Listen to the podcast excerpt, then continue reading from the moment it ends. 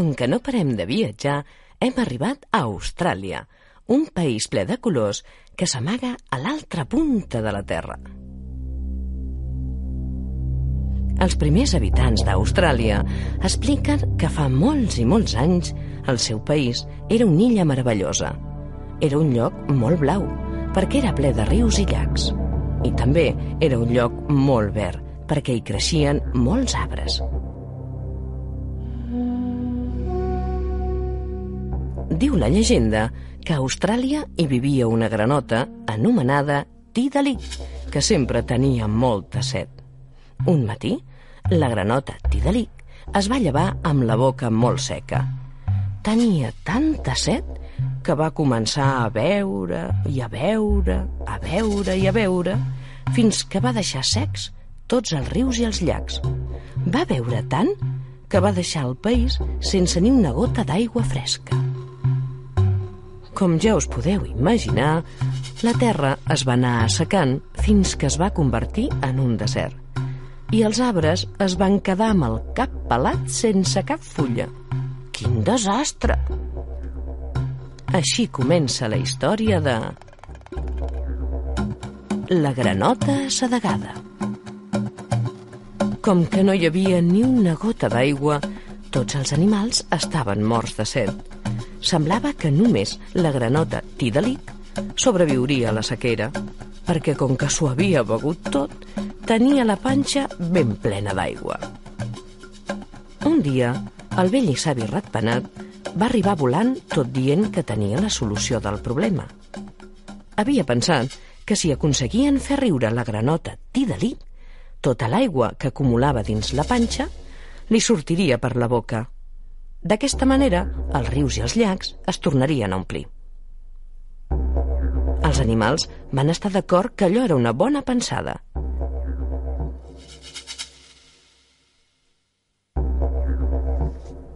El primer que va intentar fer riure la granota va ser el kiwi, que era un ocell molt decidit. El kiwi va posar-se a explicar històries molt divertides de quan era petit.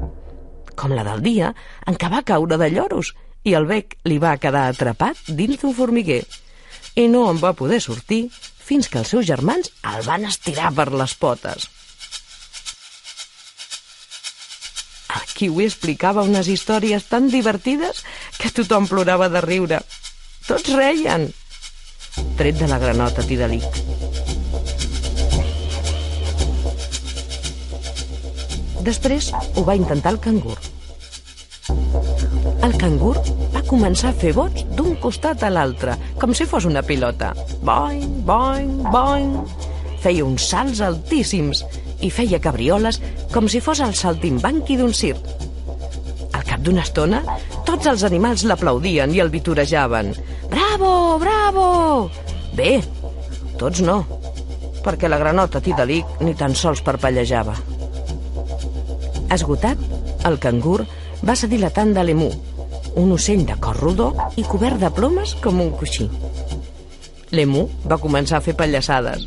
Feia unes ganyotes molt divertides i de tant cargolar aquell coll tan llarg, de poc no se li fa un nus. Veient-lo amb aquelles postures tan complicades, els animals es cargolaven de riure. Però no hi havia manera. Tot era inútil. La granota Tidalic feia la mateixa cara de pomes agres i no esbossava ni un trist somriure. Els animals estaven desesperats. Ja no sabien què podien fer per trobar-hi una solució.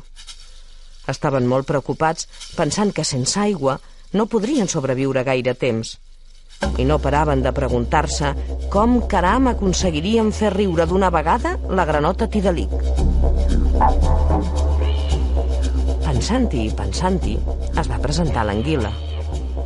Un peix prim i llarg com una serp que no parava mai quiet. L'anguila va començar a ballar la dansa de la serpentina. Era una gran ballarina. Movia l'esquelet amb molta gràcia. Es movia des del cap fins a la cua, estirant i arronsant el cos com si fos una serpentina d'aquelles de les festes.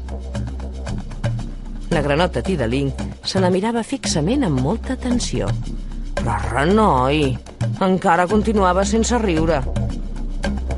Llavors, quan l'anguila va fer un dels passos del ball de la serpentina, es va acostar tant a la granota Tidalic que amb la punta de la cua li va fer sense voler pessigolles a la panxa.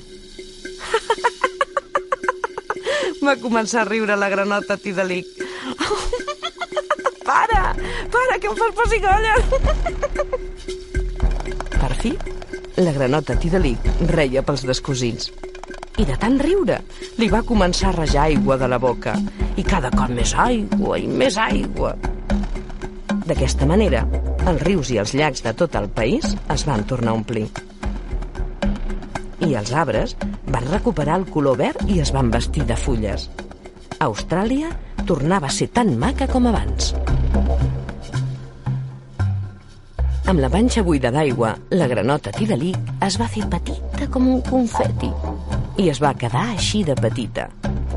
Per això, els habitants d'Austràlia creuen que cada vegada que hi ha inundacions al país és perquè la granota Tidalí es fa un far de riure.